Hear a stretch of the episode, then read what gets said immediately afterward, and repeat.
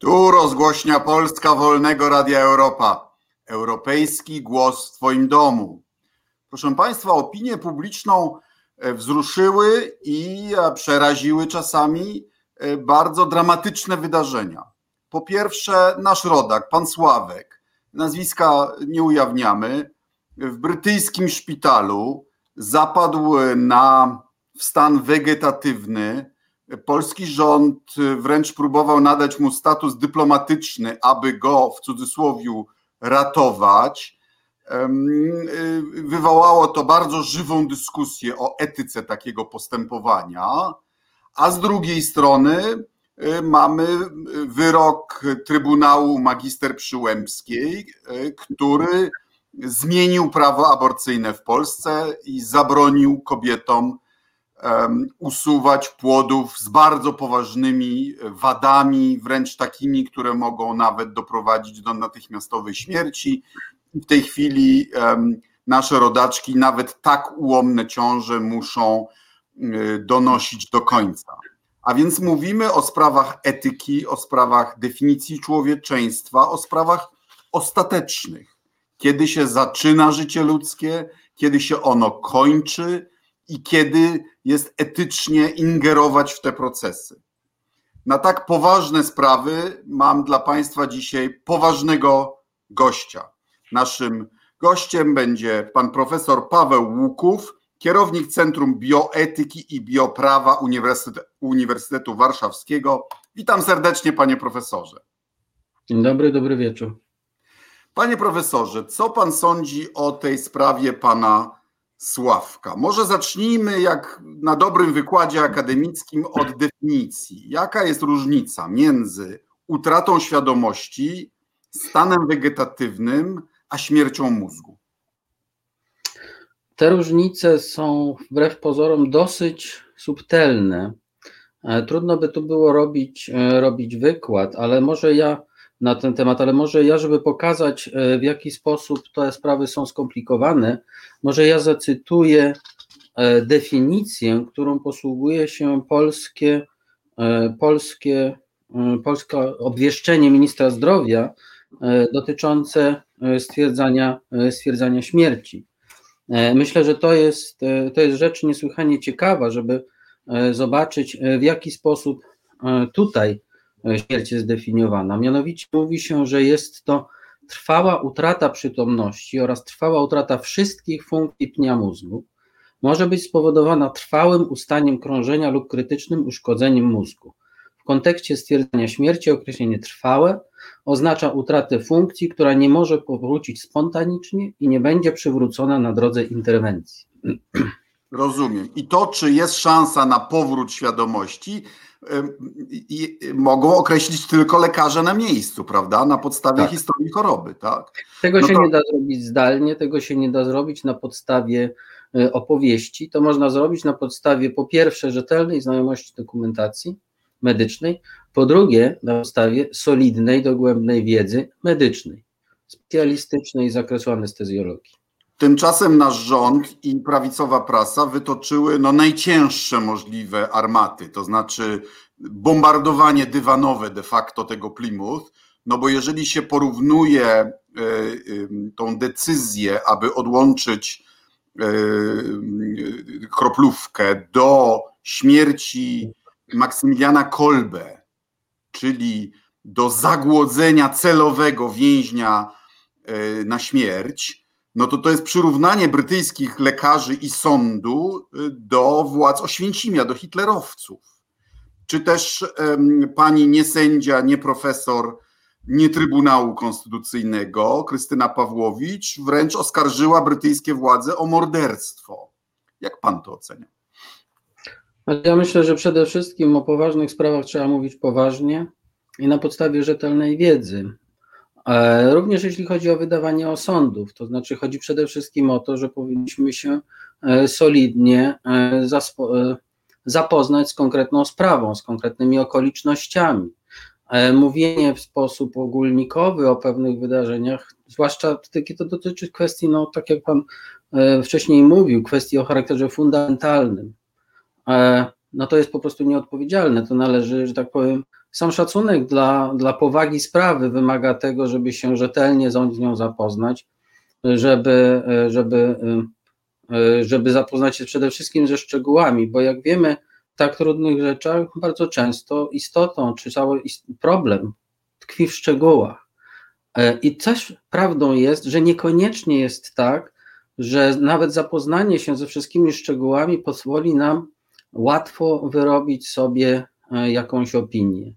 Przy okazji, może warto też pamiętać, że łatwe wydawanie opinii jest czymś, co jest dosyć, nazwijmy to, ryzykownym, e, ponieważ świadczyć może o tym, że, że brak jest wystarczającej e, odpowiedzialności ze strony osoby, która łatwo, ma łatwość wydawania osądów. Ja myślę, że pewnego rodzaju powściągliwość i ostrożność właśnie wtedy, kiedy się mówi o rzeczach poważnych, no to jest właśnie świadectwo odpowiedzialności po prostu. Jasne. E, e, przypominam Państwu, że można panu profesorowi zadać pytanie na Twitterze, na Facebooku. Bardzo chętnie się do nich odniesiemy. A proszę mi powiedzieć, czy takie przypadki jak pana Sławka w Plymouth e, mają miejsce także w kraju i co wtedy się u nas dzieje? Takie przypadki mają miejsce i w naszym kraju, w całej Europie i w większości krajów, które dysponują, nazwijmy to, mocno rozwiniętą, zaawansowaną medycyną. Bo pamiętajmy, że, że tego rodzaju sytuacje, w których można podtrzymywać funkcje życiowe u osób, które są w bardzo już ciężkim stanie, są możliwe tam, gdzie istnieje zaawansowana technologia medyczna. W związku z tym i postępowanie jest w zasadzie podobne, to znaczy e, jest rzeczą dosyć ciekawą, że również e, w naszym, e, w naszym w, w obwieszczeniu ministra zdrowia polskim dotyczącym stwierdzenia zgonu również mówi się o tym, że w sytuacji, gdy nie wszystkie kryteria są spełnione całkowicie, to istnieje możliwość, że w wypadku daremnej terapii należałoby, należałoby zaprzestać jej kontynuacji. Tam są pewne ograniczenia i uściślenia, ale tego rodzaju decyzje tragiczne i dramatyczne decyzje po prostu się podejmuje nie dlatego, że ktoś chce, tylko dlatego, że trzeba, że musi. I to nie jest do końca kwestia nauki, prawda? To jest kwestia filozofii i naszego podejścia, które jest zmienne w czasie. Do lat 50. zeszłego wieku generalnie się uważało, że praca serca kończy życie ludzkie, prawda? A dzisiaj, z tego co Pan mówi, i zresztą coraz powszechniej, uważamy, że no, człowieczeństwo to jest, jest związane ze, ze świadomością, a nie ma świadomości bez, bez pracy mózgu, prawda? I u pana Sławka y, mózg nie, y, znaczy serce nie działało przez 45 minut, co oznacza, że mózg został y, nieodwracalnie uszkodzony, tak?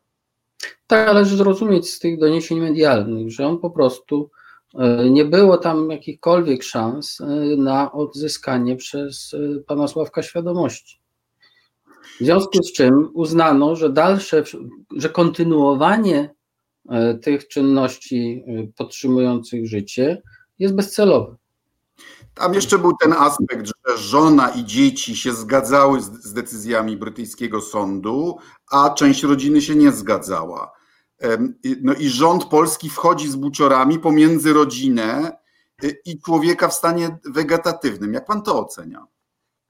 Tutaj mamy do czynienia z bardzo taką decyzyjnie rzecz biorąc ciekawą sytuacją, dlatego że proszę zwrócić uwagę, że mamy do czynienia e, po pierwsze z pewnym kontekstem etycznym i prawnym. Tym kontekstem etyczno-prawnym jest to, że świadoma zgoda pacjenta jest e, tym, co upełnomocnia czy upoważnia w znakomitej większości przypadków, choć są wyjątki, e, lekarza do podejmowania takich czy innych działań. Tutaj mamy do czynienia z sytuacją, w której z oczywistych powodów pacjent nie jest w stanie wyrazić swojej obecnej opinii. Wobec tego posługujemy się e, opinią osób, które mogą dostarczyć wiarygodnych informacji. I tutaj zaczyna się rzecz, która jest, jak sądzę, niezwykle interesująca. Po pierwsze, mamy do czynienia z jednej strony rodzinę tego pacjenta, z którą on mieszkał i e, przez ileś e, lat w Wielkiej Brytanii, a z drugiej strony mamy członków pozostałych tej rodziny, tam chyba była matka i siostra, jeśli dobrze pamiętam, pana Sławka, który, których, z którymi się on nie widział przez wiele lat. Nie pamiętam dokładnej liczby tych lat. W każdym razie sytuacja jest taka, że mamy wysłuchać, mamy się dowiedzieć, kto, jakiego, czego ów pacjent, gdyby mógł się wypowiedzieć w tej sytuacji, czego by sobie życzył. Czy życzyłby sobie dalszego e, e, podtrzymywania funkcji życiowych, czy nie? E, I teraz mamy pytanie, które źródło informacji dla osoby podejmującej decyzję, tak jak w tym wypadku sąd, jest bardziej wiarygodne? Czy opinia osób, które miały, miały których oczywiście trzeba pamiętać, których rozpacz, tęsknotę, żal, rozczarowanie należy jak najbardziej oczywiście rozumieć i na pewno nie można ich w jakikolwiek sposób umniejszać, ale pamiętajmy, czy źródło informacji, które z tych źródeł informacji co do e, życzeń pacjenta, gdyby mógł wyrazić swoją opinię, które jest bardziej wiarygodne. Sąd przyjął, że bardziej wiarygodna opinia jest opinia żony, dlatego że po prostu e, krócej przed tym wydarzeniem, które doprowadziło do stanu, w którym znalazł się pacjent, e, e, mniejsza jest przerwa między, między obecnym stanem a tym, kiedy ostatnio się widzieli. Tak to nazwijmy. W krajach można zostawić e, taki quasi testament do tych kwestii, prawda? Tak zwaną living will, czyli tak. chyba nie u nas, prawda? U nas nie mamy szczegółowych przepisów w tej sprawie. Część krajów w Europie ma i nie tylko w Europie, dosyć czasem szczegółowe przepisy, e, które regulują to, jak e, tego rodzaju dokument powinien wyglądać. On jest ważny, jak sądzę, ten dokument. Znaczy, dobrze by było mieć regulacje w tej sprawie. E, myślę również ze względu na poczucie bezpieczeństwa osób opiekujących się takimi pacjentami. Lekarzy. Bezpieczeństwa prawnego, co jak wiemy, no, jest rzeczą niesłychanie ważną, nie tylko po to, żeby się dobrze czuć, ale też po to, żeby dobrze wykonywać swoją pracę. Jaka jest różnica między prośbą, taką jak wyraził nasz papież, żeby już go nie leczyć dalej uporczywie, a eutanazją? Czy to jest, czy tu jest gilotyna logiczna, czy to jest raczej coś na, na, na, na, jakimś, na jakimś kontinuum?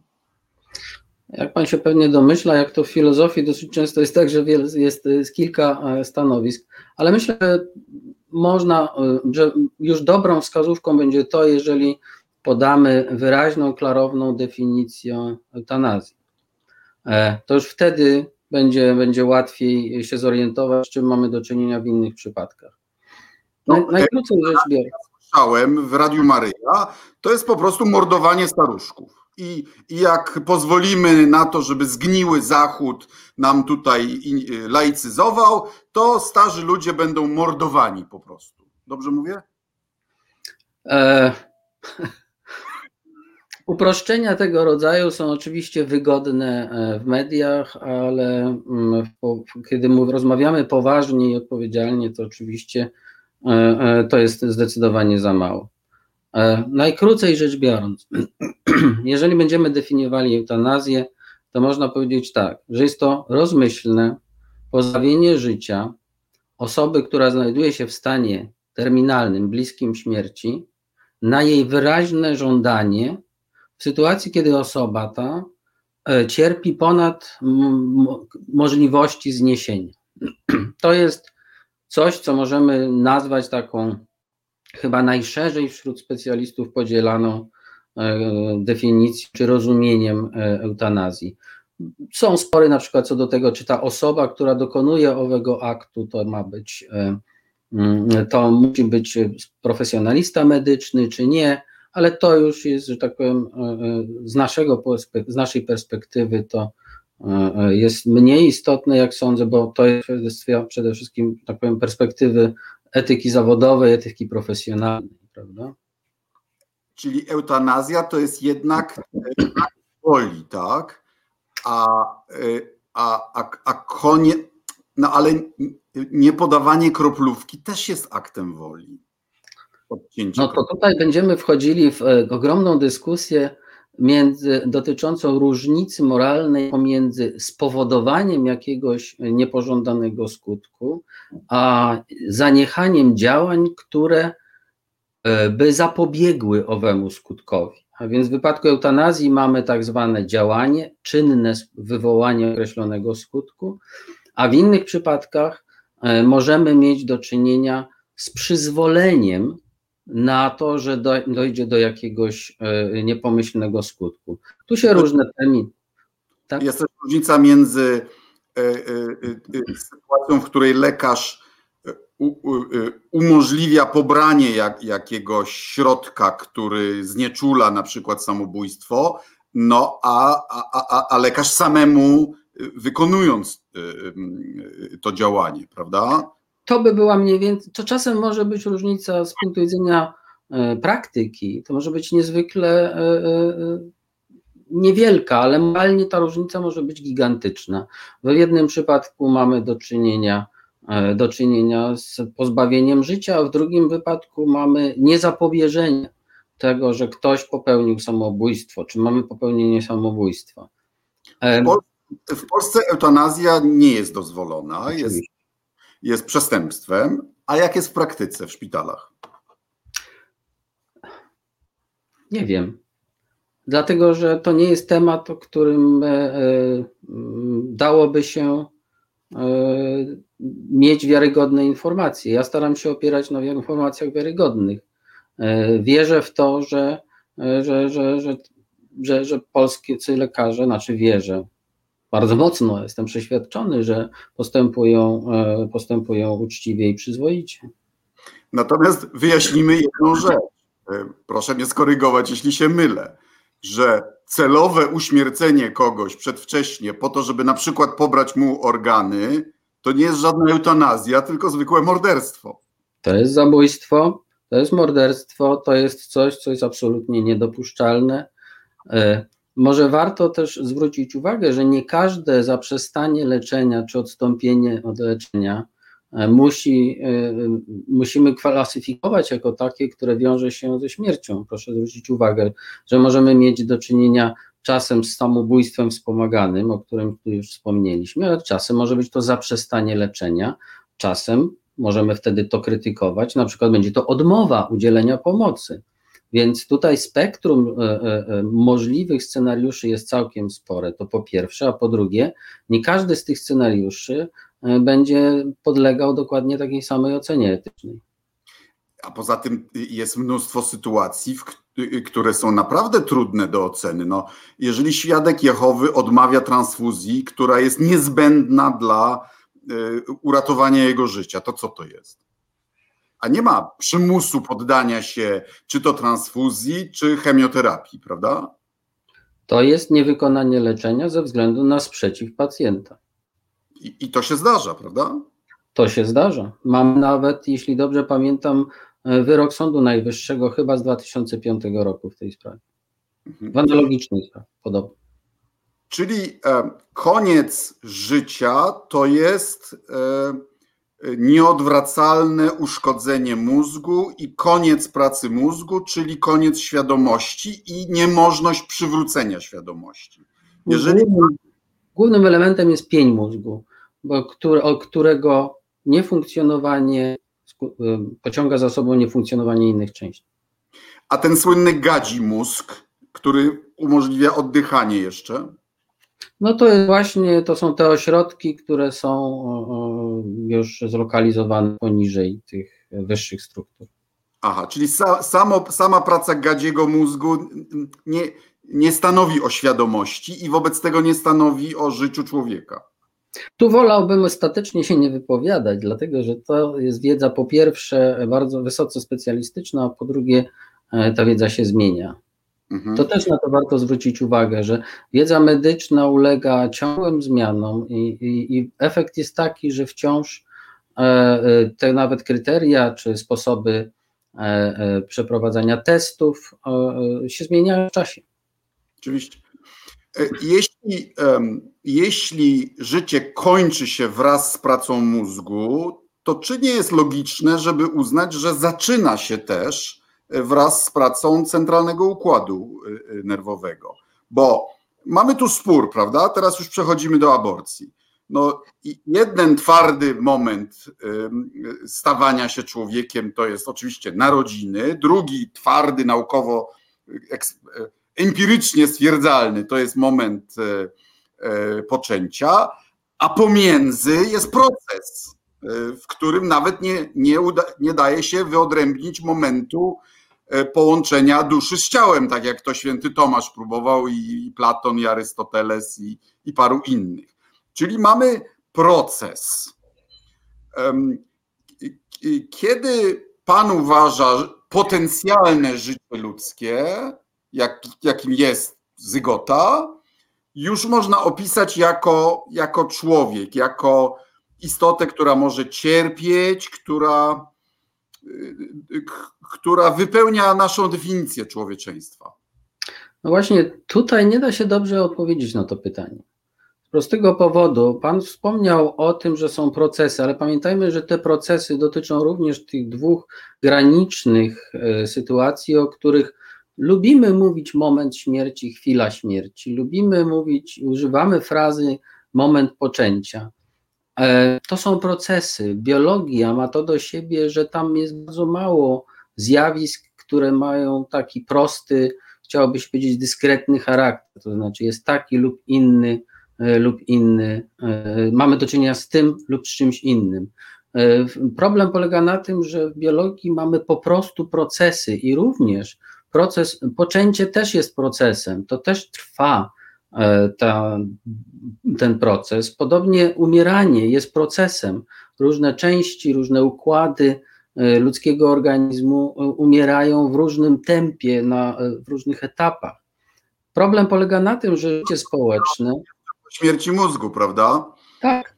Problem polega na tym, że my, że życie społeczne wymaga takich w miarę klarownych punktów odcięcia. No, na przykład wszyscy umówiliśmy się, w każdym razie w Polsce, że e, wiek dojrzałości to jest 18 lat. Czysto arbitralna decyzja, prawda? Ale przecież wiemy, że są wśród nas tacy, którzy pomimo ukończenia 18 lat nadal robią wrażenie dzieci wielkich E, I są też tacy, którzy nie mają jeszcze 18 lat, a są na tyle dojrzali, że, że, że tamtych pierwszych biją na głowę pod tym względem. Główna granica. I tak, i, i, I tak samo niestety musimy zrobić w sprawie początku życia. Musimy y, jakiejś społecznej umowy dokonać, prawda? Która, która nie będzie wynikiem nauki, tylko wynikiem filozofii, refleksji, zgody, jakiegoś porozumienia. Znaczy, my, nie jest pewne, czy musimy rozstrzygać kwestie takie, jak kiedy się zaczyna e, człowiek. Możemy, e, e, możemy rozstrzygać kwestie, w jaki sposób się odnosić do początków ludzkiego życia. W jaki sposób my, jako społeczeństwo i jednostki, powinniśmy się odnosić. Bo tutaj jest, myślę, bardzo ważne, żebyśmy zwrócili uwagę na E, e, dwie rzeczy. Jedna rzecz to ta, o której mówiłem, że, potrzebuje, że życie społeczne po, potrzebuje rozstrzygnięć pewnych, w pewnych okolicznościach, ale z drugiej strony pamiętajmy, że my już nie żyjemy w takim społeczeństwie, jak to sobie klasycznie kiedyś wyobrażaliśmy, że mamy wszystkich, którzy żyją wedle podobnego planu na życie, wedle podobnego projektu. Żyjemy wobec róż, we, we, wedle różnych projektów. Efekt jest więc taki, że potrzebujemy.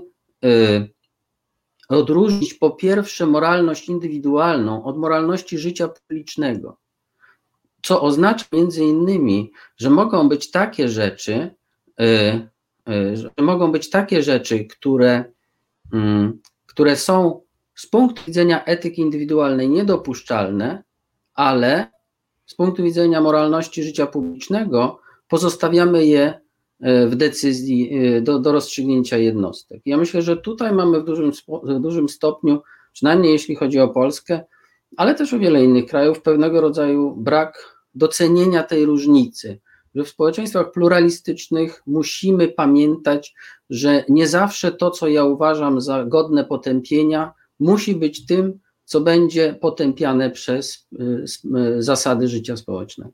Zgoda, ale przynajmniej możemy skorygować takie ewidentne błędy w rozumowaniu, bo jeśli ktoś mówi, że, zaro, że zygota, którą, żeby zobaczyć, potrzeba mikroskopu, ma mieć takie same prawa jak zdolny do życia y, płód, bo, nie, bo jest to proces i, i, i trudno powiedzieć, gdzie ma zapadać gilotyna, to oni mówią tak, to jest życie ludzkie, potencjalnie człowiek, więc musi mieć wszystkie prawa człowieka.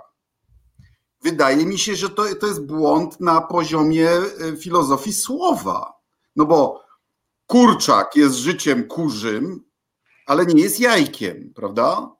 Znaczy, i odwrotnie, jajko jest życiem kurzym, ale nie jest kurczakiem. Jest różnica między jajecznicą a e, e, kurczakiem po, po kijowsku.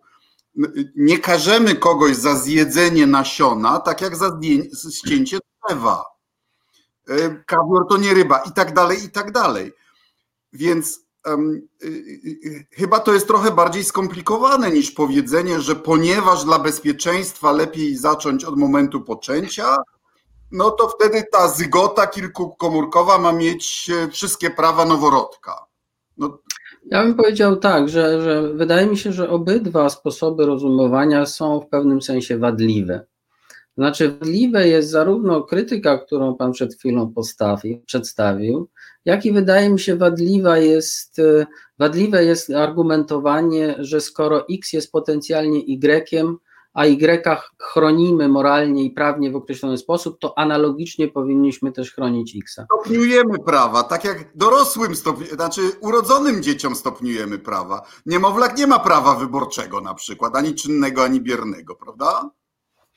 E, pomimo, że jest biologicznie rzecz biorąc identyczny z osobą dorosłą, w sensie genetycznym jest identyczny z osobą dorosłą. Ale ja myślę, że tutaj jest jeszcze jeden niesłychanie ważny element, bo to, co Pan przed chwilą zreferował, to jest tak zwany argument z potencjalności. E, że skoro coś jest potencjalnie czymś innym, a to inne zasługuje na jakąś ochronę, to to coś pierwsze powinniśmy chronić podobnie, analogicznie. Otóż rzecz polega na tym, że kiedy mówimy w kontekście e, e, przedurodzeniowych stadiów ludzkiego życia, to pamiętajmy, że owe wcześniejsze stadia, one nie są same przez się potencjalnie owym narodzonym dzieckiem. One są narodzonym dzieckiem potencjalnie dzięki temu, że znajdują się w określonym środowisku. Mówiąc inaczej, bez, ten potencjał bycia w innym stadium e, nie jest, że tak powiem, ulokowany wyłącznie w nich, ale jest ulokowany również w otoczeniu, w środowisku biologicznym, w którym się znajduje. Y, I jeśli w ten sposób spojrzymy na sprawę, y, to wtedy ten argument się zdecydowanie bardziej, że tak powiem, komplikuje. Ja tu nie chcę się wdawać w szczegóły tej argumentacji, bo ona może być dla niektórych e, e, z widzów e, dosyć nużąca, ale problem polega na tym, że jak mówił Austin, brytyjski filozof języka, Słowa są naszymi narzędziami i powinniśmy dbać o to, żeby były, przynajmniej o to, żeby były czyste. E, I właśnie tak jak tu, kiedy mówimy o poważnych argumentach, które mają nam mm, e, prowadzić, które mają prowadzić do ważkich rozstrzygnięć o charakterze moralnym, no to jest niesłychanie ważne, żebyśmy się e, posługiwali precyzyjnymi pojęciami i argumentami, których kawałki rzeczywiście potrafimy dobrze sobie wyłożyć. Przypominam Państwu o możliwości zadawania pytań panu profesorowi, a w odniesieniu do tego, no to powiem tak, że przecież e, e, nawet najbardziej ideologiczni e, przeciwnicy aborcji de facto też stopniują, bo przecież nie domagają się śledztw kryminalnych w wypadku poronienia, żeby sprawdzić, czy aby na pewno tutaj kobieta nie pomogła, prawda? Nie domagają się śledztwa, póki co przynajmniej, dla dziewczyn powracających z zagranicy, z krajów, gdzie aborcja jest legalna, prawda? Y, y, no i póki co, ale to się może zmienić, jeszcze za samą aborcję też nie ma kary. Więc w praktyce, no i nie ma 500, plus, nie ma, nie ma paru innych rzeczy, prawda? Związanymi, związanych z poronieniami czy z autoaborcją, do której też podobno dochodzi. Więc też stopniują, ale, ale wyciągają inne wnioski z tego. No, wyjął mi pan to z ust, ale to jest kwestia mm, tego, że tak, y, tak jest w większości. Natomiast są też tacy, którzy do tych konkluzji, które pan przed, przed chwilą e, e, e, przedstawił, również dochodzą. E, ja myślę, e, że po prostu my, że, że w pewnym sensie powinniśmy, chyba wiele osób chciałoby, żeby kwestie wartości były takie proste, łatwe do poodcinania, do, poroz, do, po, do porozczłonkowywania na drobne kawałki, ale może nawet nie, nie na drobne, właśnie na grube, żeby było łatwo, żeby było prosto. Myślę, że wielu z nas i wiele z nas tęskni za czymś w rodzaju takiej e, prostoty moralności, prostoty świata wartości, że on będzie taki bezkonfliktowy i że w każdej sytuacji można zawsze wyjść, że tak powiem, obronną ręką. Tymczasem każdy, kto ma choć trochę e, e, doświadczenia moralnego czy życiowego, myślę, każdy z nas ma świadomość taką, że mogą, możemy znaleźć się w sytuacjach, w których podejmiemy decyzje najlepsze, na jakie nas stać, rozważywszy wszystkie, jak sądzimy, dostępne racje za i przeciw i podjąć najlepszą w danych okolicznościach decyzję, a mimo to nie mieć dobrych snów, a mimo to mieć poczucie czegoś, co możemy nazwać żalem, e, rozżaleniem, poczuciem niesprawiedliwości losu i tak dalej. Myślę, że jeżeli zwrócimy uwagę na to, że mówiąc inaczej, świat wartości moralnych i świat moralności nie jest z konieczności światem y, spójnym, y, to wówczas również i nasza wizja tego, na co prawo powinno pozwalać, a czego powinno zakazywać, również będzie nieco bardziej, nieco bardziej wysubtelniona. W przeciwnym razie, no właśnie, będziemy chcieli naprawiać zegarki młotkiem. Przeczytam opinię pani Oli Iżyk dla tych, którzy e, będą nas słuchać w formie podcastu. E, pani Ola pisze: Płód w łonie matki jest jej częścią i nie jest w stanie żyć poza jej losem. Staje się osobnym bytem w momencie szczęśliwego urodzenia i wchłonięcia pierwszego oddechu. Czasem przy pomocy urządzenia medycznego, ale dopiero wtedy jest człowiekiem mam problem z tym, taki mianowicie, że w niektórych krajach, przynajmniej do niedawna, przeprowadzano tak zwane późne aborcje. Siódmy, ósmy, dziewiąty miesiąc y, y, na płodach, które byłyby zdolne do, do, do przynajmniej w inkubatorze do przeżycia. Ja tutaj daję pewien kredyt y, organizacjom pro-life, które zwróciły uwagę na, na dylematy etyczne z tym związane, bo te procedury zawsze powodowały we mnie odrazę. No, no i to jest bardziej skomplikowane, bo jeżeli płód jest zdolny już do życia poza, poza łonem matki, to, to, to taka decyzja jest znacznie y, drastyczniejsza, prawda? No, zdecydowanie tak. To znaczy, im bliżej jest momentu urodzenia, tym naturalnie e, e, jest wręcz oczywiste, że, że, że rozmaite e, sposoby, formy czy przerwanie takiej ciąży jest czymś, co będzie budziło oburzenie moralne. Ale też pamiętajmy, że zdolność do przeżycia poza łonem matki to nie jest po prostu kwestia jakiejś, nazwijmy to, nagich faktów, w tym sensie, że takich faktów, które e, nie, nie, nie, są niezależne od naszych, od naszych możliwości, bo proszę zwrócić uwagę, dziecko urodzone w świetnie wyposażonym szpitalu, ze wspaniałą, ze wspaniałą personelem medycznym, troskliwym i tak dalej, obdarzonym wiedzą, instrumentari całym instrumentarium, takie, takie, takie dziecko czy taki płód ma zdecydowanie większe zdolności do przeżycia niż, e, niż wtedy, kiedy e, niż powiedzmy w kraju, w którym nie ma służby zdrowia albo, ogóle, albo jest bardzo mocno niedofinansowana. E, mówiąc inaczej, to jest kwestia w dużym stopniu naszej wiedzy, możliwości technologicznych, również często zamożności.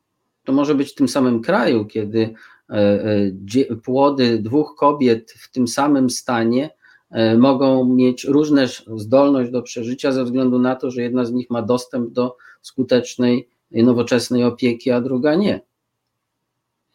Bardzo podoba mi się argument pani Sylwii Skorstad. Życzyłabym sobie, aby dało się przymusowo wysłać większość parlamentarzystów na wykłady z bioetyki. Dobrze by było, prawda? Znaczy, zanim zaczynamy majstrować przy, przy ustawie aborcyjnej, najpierw poznajmy podstawowe fakty medyczne i, no to... argumenty filozoficzne. To mi trochę przypomina wniosek kiedyś złożony bodajże przez SLD, żeby były badania psychiatryczne y, kandydatów na szefów służb specjalnych. I pewnie się Państwo domyślają, w kogo ten argument był wycelowany. A co Pan o tym sądzi? Znaczy, mnie się wydaje, że, znaczy, tak mówiąc poważnie, y, ja sądzę, że co, to, czego by nam było bardziej potrzeba, to chyba nam wszystkim, bo jakoś nie, trudno mi uwierzyć w to, że nawet gdyby się udało E, e, nakłonić e, parlamentarzystów, żeby udali się na takie wykłady, to że wszyscy by wystarczająco się skupili na tym, o czym jest mowa. Ja mam wrażenie, że dosyć często jest właśnie tak, że po prostu trzeba, trzeba, znaczy zawsze jest tak, że tu trzeba, żeby obie strony chciały uczestniczyć w tym procesie edukacyjnym. W związku z tym wydaje mi się, że dużo bardziej e, pomocne byłoby to, aby przede wszystkim e, e, była lepsza edukacja, którą bym nazwał edukacją obywatelską dla wszystkich. Niekoniecznie musi tam być dużo bioetyki, mówiąc szczerze, w tej edukacji obywatelskiej. Raczej powinien być tam na przykład szacunek prawa, E, raczej powinno być tam e, wyjaśnienie zależności pomiędzy prawem a moralnością, pokazaniem złożoności tego, tych zależności i tak dalej. Więc wydaje mi się, że e, tutaj należałoby, należałoby położyć nacisk na edukację publiczną, obywatelską, no, która jest, jak sądzę, ogromnym zaniedbaniem w Polsce. Jak się patrzy na to, czego uczniowie się uczą, no to raczej w szkołach, to raczej e, e, nasza edukacja ma w większości charakter erudycyjny raczej niż rozumiejący. E, I w związku z tym być może tutaj byłoby to ważniejsze, bo wtedy być może obywatele by podejmowali decyzje wyborcze w sposób taki, że zwracaliby uwagę na to, jak dużo edukacji i chęci uczenia się ma kandydat. I być może wtedy wykłady z bioetyki dla kandydatów czy dla posłów byłyby dla parlamentarzystów byłyby przydatne, gdybyśmy najpierw wyselekcjonowali tych, którzy chcą się uczyć. Wow, to ambitnie. Pani Natalia Klimiuk, co by pan profesor odpowiedział na argument pani Pawłowicz, że dziecko z gwałtu jest również ofiarą gwałtu, dlatego trzeba otoczyć je ochroną i zakaz aborcji, także w tym wypadku. Y, y, y, dla ułatwienia dodam, że pani Kaja Godek bodajże już zapowiedziała, że będzie o to zabiegać. No właśnie, to jest przykład, to jest przykład takiego wyobrażenia, że na trudne sprawy są bardzo proste, krótkie recepty. Że można po prostu y, y, w nieskomplikowany sposób podejść do niezwykle skomplikowanej i, i, i, i dramatycznej i tragicznej sytuacji innego człowieka. E, też to jest kwestia, jak sądzę, empatii, kwestia umiejętności wyobrażenia sobie, e, jak to jest znaleźć się w określonych okolicznościach. Jeżeli ktoś wygłasza tego typu sądy, to myślę, że po prostu wyłączył swoją zdolność do współodczuwania z innymi e, i wtedy ma chyba odwagę e, ferowania tego rodzaju wyroków. No ale ja słyszałem też argument kolegów z no, takiej tradycjonalistycznej prawicy, no jaki problem, no, no zgwałcą dziewczynę, no to urodzi, odda jakiejś rodzinie, jest, jest, jest przecież tyle rodzin, które chcą, które chcą adoptować, w czym problem? E, no pewnie, że to żaden problem, ponieważ to jest osoba, która e, nie ma żadnych uczuć, która niczego nie przeżywa, która nie ma wspomnień, która nie pragnie kształtować swojego życia tak jak większość z nas, tak, to rzeczywiście żaden problem. Myślę, że ci, którzy takie rzeczy mówią, powinni po prostu znaleźć się w podobnej sytuacji na próbę. E, oczywiście nie chodzi o to, żeby im życzyć tego, żeby ich spotkało nieszczęście, ale chodziłoby o to, żeby zwyczajnie znaleźli się w sytuacji, która jest sytuacją tragiczną, bez wyjścia. Wtedy może mieliby jakiś tytuł do tego, żeby pouczać innych. Ale przecież to pan minister szkolnictwa i edukacji, więc chyba pański minister powiedział, że no, rolą kobiety daną jej przez Pana Boga jest właśnie rodzenie dzieci. No to, no to będzie robiła to, co Pan Bóg nakazał, no a skoro, no a skoro się tak zdarzyło, to, to wie Pan, każdy musi nosić swój krzyż, a Pan Bóg daje nam taki, który jesteśmy w stanie, w stanie unieść. Ja bym chciał się tutaj wdawać w dyskusje teologiczne. Wystarczy też powiedzieć, że Pan Bóg daje nam, nam, nam też możliwość wyboru, e, żeby posłużyć się e, tym, tą perspektywą. E, ja myślę, że tego rodzaju, że bardzo często mamy do czynienia z pójściem na pewnego rodzaju łatwiznę, jeśli chodzi o ogląd życia społecznego. Proszę zwrócić uwagę, dosyć często słyszymy rozmaite sądy, które e, służą w tłoczeniu jednostek, w tłoczeniu ludzi w określone z góry zaprogramowane role społeczne, ale w każdym razie w to, w jaki sposób powinni te role e, odgrywać. Czy jest jakaś klasyczna rola ojca, klasyczna rola e, matki, rola kobiety, rola mężczyzny i tak dalej. To są poglądy, które są dosyć rozpowszechnione ale z drugiej strony pamiętajmy, że one e, e, dają takim osobom, które wyznają te poglądy, dosyć duży e, stopień takiego komfortu moralnego, to znaczy poczucia pewnego rodzaju prostoty życia społecznego, ale myślę, przekonania własnego o wyższości moralnej. Czasami jest, znaczy często jest z tym powiązane takie poczucie wyższości moralnej, które najczęściej ma E, znajduje wyraz w określonej frazeologii, e, takiej frazeologii, w której e, przejmu, tworzy się określony język, na przykład kiedy, kiedy się mówi o sobie, że się jest obrońcą życia, a o innych, że, że należą do cywilizacji śmierci lub coś w tym rodzaju. To są takie sformułowania, które służą jak gdyby uzyskaniu takiej, nazwijmy to, przewagi retorycznej już na samym wejściu. Etykietowanie, prawda?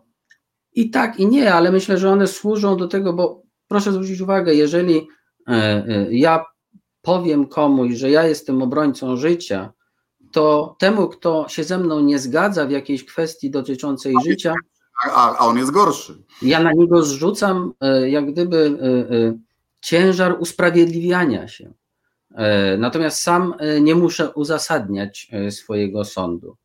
Więc ja myślę, że, że, że po prostu nieszczęściem jest, jeżeli posługujemy się takimi ogólnikowymi sformułowaniami. Ja wiem, że one często są używane celowo, używane są właśnie po to, żeby, mm, żeby mieć, no właśnie, przewagę retoryczną, a w każdym razie jakąś perswazyjną. Ale nie sądzę, żeby Y, żeby to była rzeczywista przewaga argumentacyjna po prostu. Panie profesorze, na koniec chciałbym zapytać o sprawę na styku etyki i polityki.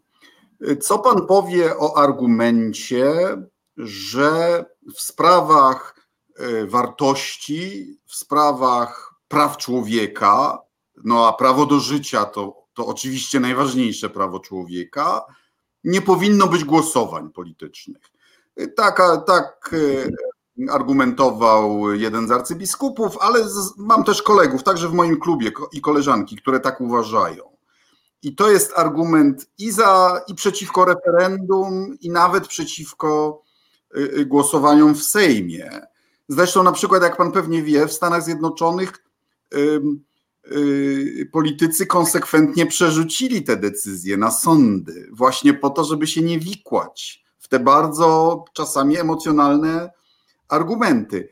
Ale moja odpowiedź zawsze była na to, że zawsze jest jakieś głosowanie. Znaczy, w sądach głosują, Można głosować w sądzie, w parlamencie albo w, albo w referendum. Więc tylko pytanie, na jakim szczeblu będzie to głosowanie. Nie da się ustalić prawa bez jakiegoś głosowania.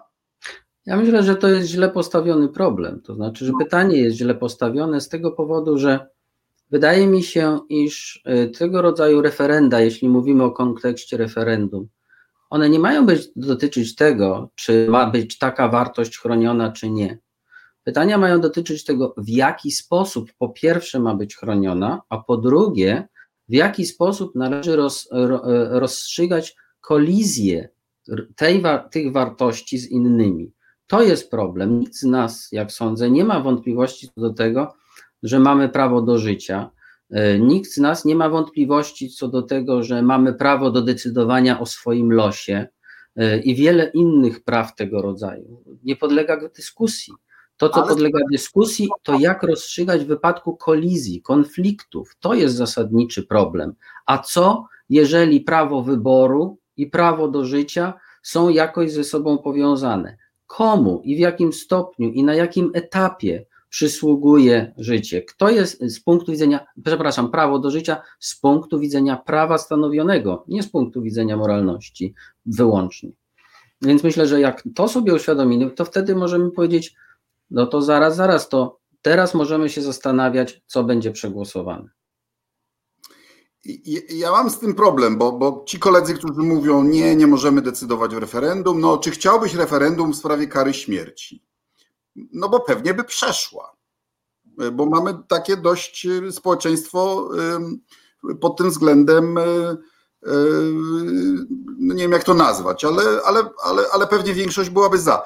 Ja się przyznam, że nadal uważam, że są takie przypadki, w których ja uważam, że na przykład wtedy, gdy Polska jeszcze ludowa, ale wydaje mi się, że zwolna Polska zdecydowałaby tak samo, e, wykonała egzekucję na e, komendancie e, hitlerowskiego niemieckiego obozu koncentracyjnego i zagłady Oświęcim, żeby dać pełną nazwę, że to było, że to było coś złego.